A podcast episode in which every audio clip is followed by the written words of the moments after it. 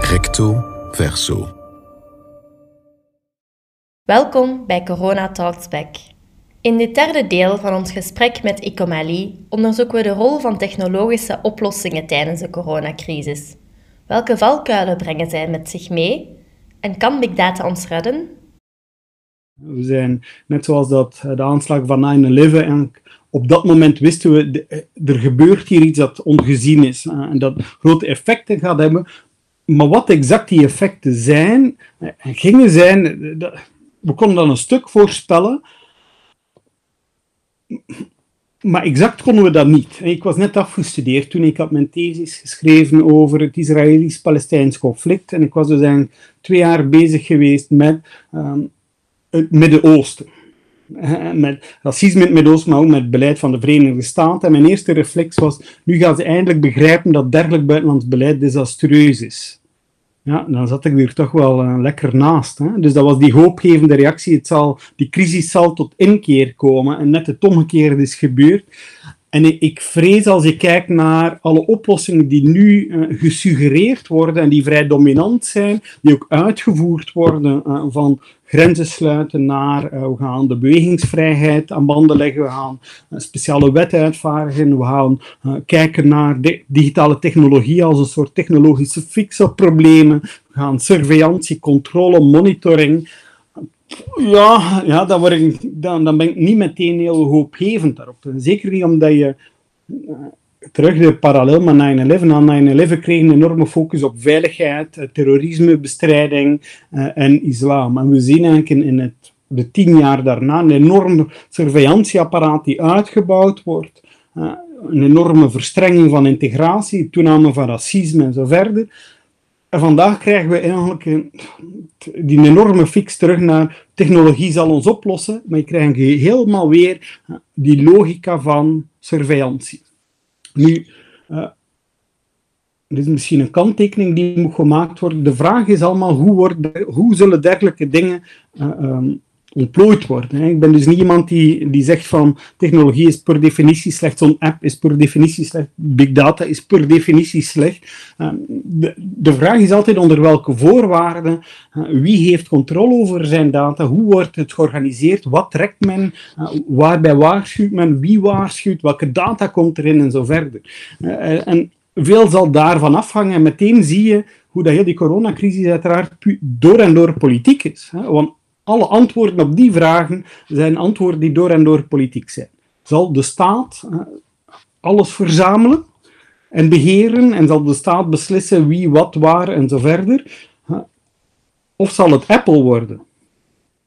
Ik denk dat er heel veel verschillende uh, potentiële volken zijn, gaande van een vals gevoel van zekerheid tot en met enorme surveillantie. Als je kijkt naar China, China is eigenlijk al een, jaar of vijf van het bouwen aan een social credit system door, uh, die, alles monitort. Die monitort uh, niet alleen mij, maar die bijvoorbeeld al mijn vrienden ook monitort en ziet van oeh, uh, eh, 20% van zijn vrienden heeft schulden, dan zal ICO ook wel niet echt betrouwbaar zijn. En dus nu komt daar een extra laag over die niet alleen gebaseerd is op wat je zelf ingeeft. Ik ben ziek geweest of niet, maar ook al uw medische records worden daaraan gekoppeld. En dus je begint opeens in een soort een enorm. je krijgt een soort totalitaire nachtmerrie van een staat die eigenlijk iedere stap weet van u tot uw diepste uh, gegevens binnenin, uh, die ja, uw vingerafdruk uh, niet alleen monitort, maar die op basis daarvan ook uw temperatuur kan meten, je koorts hebt en zo verder. Eh, ja, dergelijke wegen, denk ik, zijn, zijn angstaanjagend. Dus het andere uiterste is dat je eh, helemaal decentraliseert en dat je dus naar eh, een model gaat die enkel model zou moeten zijn voor het ganse internet, waarin je data beheerd worden op je eigen telefoon. Je dus de volle controle hebt. Maar natuurlijk een overheid die volle controle wil over zijn burgers, ja, die kan daar niet mee leven natuurlijk. Hè? Want dan die ene die corona heeft, die zegt ik controleer mijn data en ik geef niks vrij, hè? Dan, dan valt je systeem. Hè? Dus je, je, ziet meteen hoe moeilijk dat het, het denken in uh, termen van zo'n technologische fix is. Hè? Die, die is er niet, tenzij dat je ongeveer alles zou vrij gaan geven, maar dat leven in een samenleving dat je misschien ook niet wil in terechtkomen. En dus ik denk, het antwoord, het echte antwoord, zit nooit daar. Het echte antwoord zit in een soort in een verzorgingsstaat, in een heel andere manier van uw staat organiseren, van leven, van ervoor zorgen dat er mondmaskers zijn en dat de reserveaanleg daar ook is, dat er die bespaard wordt op uw verplegend personeel en zo verder, dat er hygiëne is, dat, dat we misschien helemaal zo werken en zo verder. Dus je ziet een heel groot model daar rond en, en de app als ultiem iets. Ik denk dat dat, Het is een beetje de droom van vele IT'ers. De app zal het wel oplossen. Solutionism heet die aandoening of ideologie. Ehm, ja, ik denk dat het heil daar niet te zoeken is, wat dat niet wil zeggen dat digitalisering natuurlijk een rol kan spelen. Maar de vraag is altijd, wat is het kader daar rond? En dus meteen zie je, die oplossing zal net zoals het vaccin niet voor morgen zijn.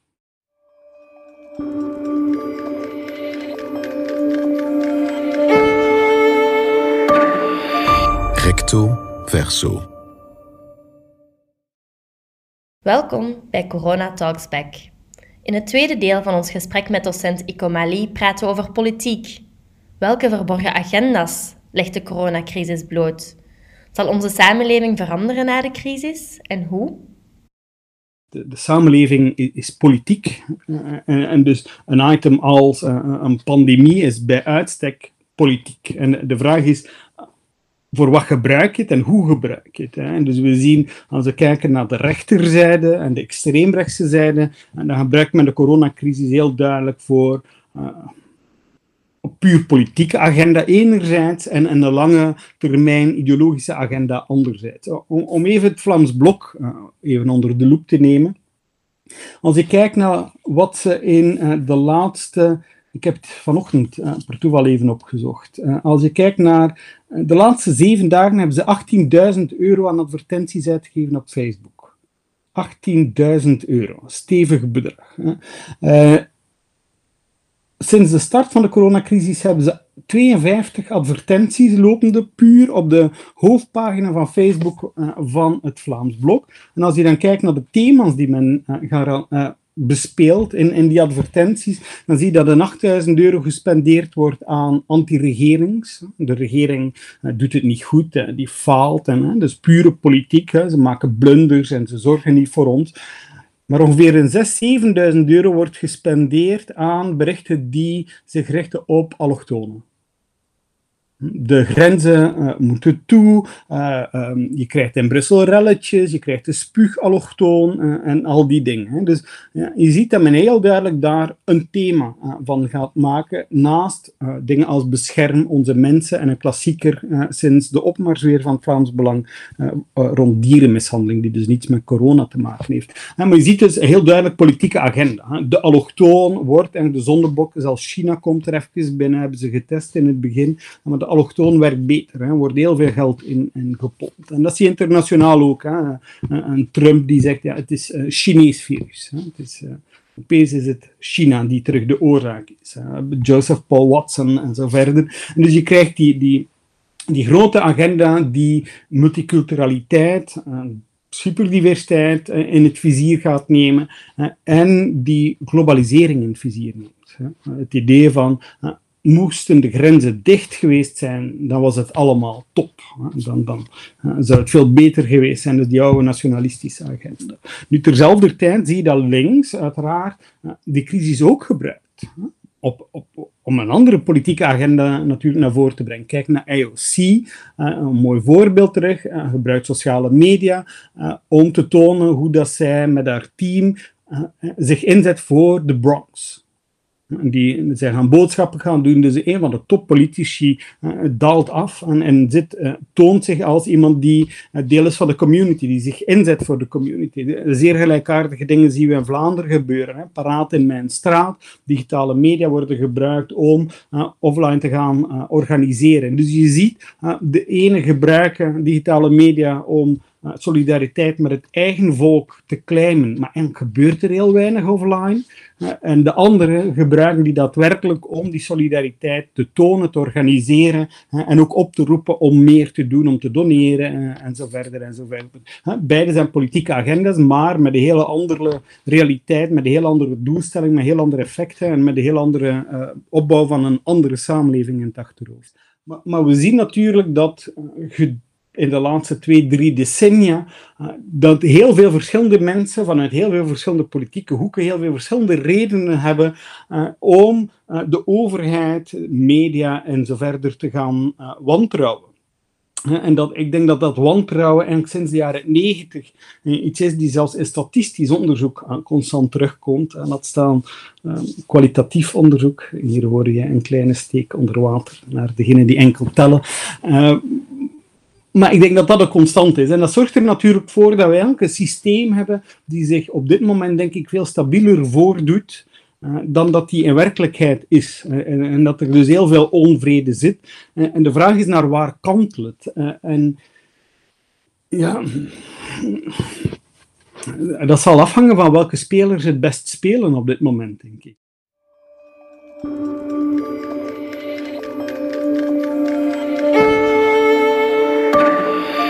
Recto verso. Welkom bij Corona Talks Back. In deze tweede aflevering gaan we in gesprek met Ico Mali. Ico is docent Digital Media en Politics aan de Universiteit van Tilburg en hoofdredacteur van Digit Magazine. In dit eerste deel onderzoeken we wat de coronacrisis ons leert over het medialandschap vandaag. Hoe circuleert het nieuws online? En niet onbelangrijk, wat kan jij als online lezer doen om kwaliteitsvol nieuws te blijven garanderen? Om te scoren in digitale media, een van de belangrijkste algoritmische principes is uh, het principe van de populariteit.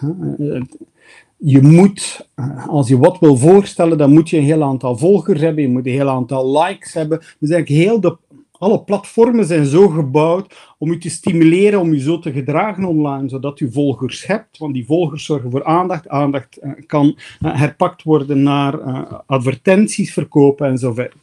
en dus wat je ziet is dat als je in de eerste vijf minuten niet scoort op Facebook of op YouTube en zo verder met likes en comments, dan is de kans dat je ooit nog zal scoren zeer minimaal. En dus je ziet dat Ofwel heeft men heel ge, uh, overtuigde fans die met massaal beginnen liken en klikken in de eerste vijf minuten en commenten en sharen en zo verder. Ofwel gebruikt men uh, meer gesofisticeerde middelen en huurt men clickfarms in, zet men een aantal bots op die meteen klikken als een bepaalde hashtag verschijnt en zo verder. en het is dat soort activisme is uiteraard heel belangrijk. Heel vaak is dat, als ik kijk naar wetenschappelijk onderzoek, gaat dat over uh, bots die reageren binnen de eerste vijf à tien minuten. En daarna verdwijnt dat heel vaak, maar dat is net genoeg om ervoor te zorgen uh, dat dat bericht oppopt in de newsfeed van anderen, op oppopt in de trending topics en zo verder. En dat heb je nodig om zichtbaar te zijn. Want dus het grote probleem in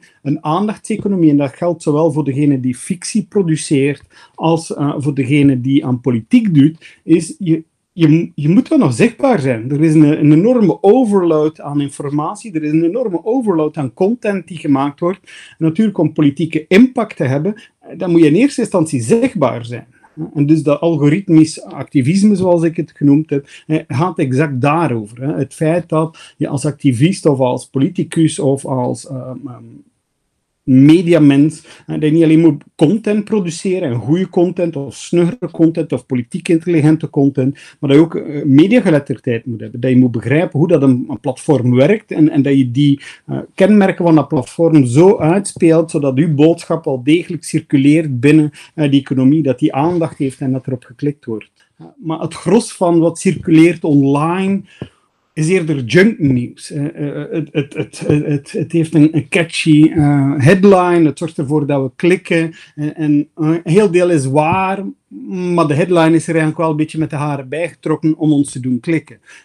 en ik denk dat dat concept veel productiever is om te begrijpen hoe dat content geproduceerd wordt en circuleert binnen dergelijke attentie-economie. en dus die attentie-economie gaat net daarover. Hè op wat klik je eerst? Uh, Trump uh, vindt dat je dissolvant uh, moet drinken of um, een heel complexe uitleg over hoe dat um, het virus overgegaan is van uh, vleermuizen via overdragers en zo verder naar iets anders. Wel, de kans dat je op de laatste zal klikken uh, zal zeer minimaal zijn, maar op het eerste gaan we toch allemaal eens gaan klikken. En iedere klik zorgt natuurlijk ervoor dat het medium meer scoort, dat hij ook naar zijn adverteerder kan zeggen, deze maand hebben we zoveel meer kliks gehad. Per toeval klik je dan ook nog eens op die reclame, dan is dubbele winst. En dus dat is eigenlijk in grosso mate de rol van, van junk news. Het, het is onze aandacht opeisen als je vandaag wil scoren, politiek gezien dan, dan moet je, moet je begrijpen hoe dat, uh, heel dat medialandschap in elkaar zit. En dat is de hulde dat is niet alleen voor populisten of voor uh, rechtse mensen, dat is even goed voor links. Zo, uh, je moet begrijpen welk spel dat je speelt. En dat spel is niet meer de mainstream media die komt luisteren naar uw speech naar aanleiding van een persconferentie die jij gelanceerd heeft. maar het gaat erover wat laat je circuleren, wat zorgt ervoor dat dat, dat catchy is, wat dat opvalt en zo verder. En je ziet aan de linkerzijde iemand als AOC in de Verenigde Staten die dat spel heel goed begrijpt. Hè. Al een hamburger etend op Instagram vertelt ze een heel politiek uh, verhaal. En hetzelfde zien natuurlijk aan de rechterzijde, zeker sinds oh, 2014, 2015, dat men heel goed doorheeft hoe dat, dat medialandschap in elkaar zit, uh, wat, die affordances zijn van uh, digitale media, hoe dat die digitale media kunnen gebruikt worden om aandacht te genereren in uh, die publieke ruimte. Iemand als Joseph Paul Watson uh, is daar vrij geniaal in, over een miljoen volgers op YouTube. Uh, hetzelfde zag je bij Infowars, totdat ze uh, geblokkeerd werden, gedeplatformd werden.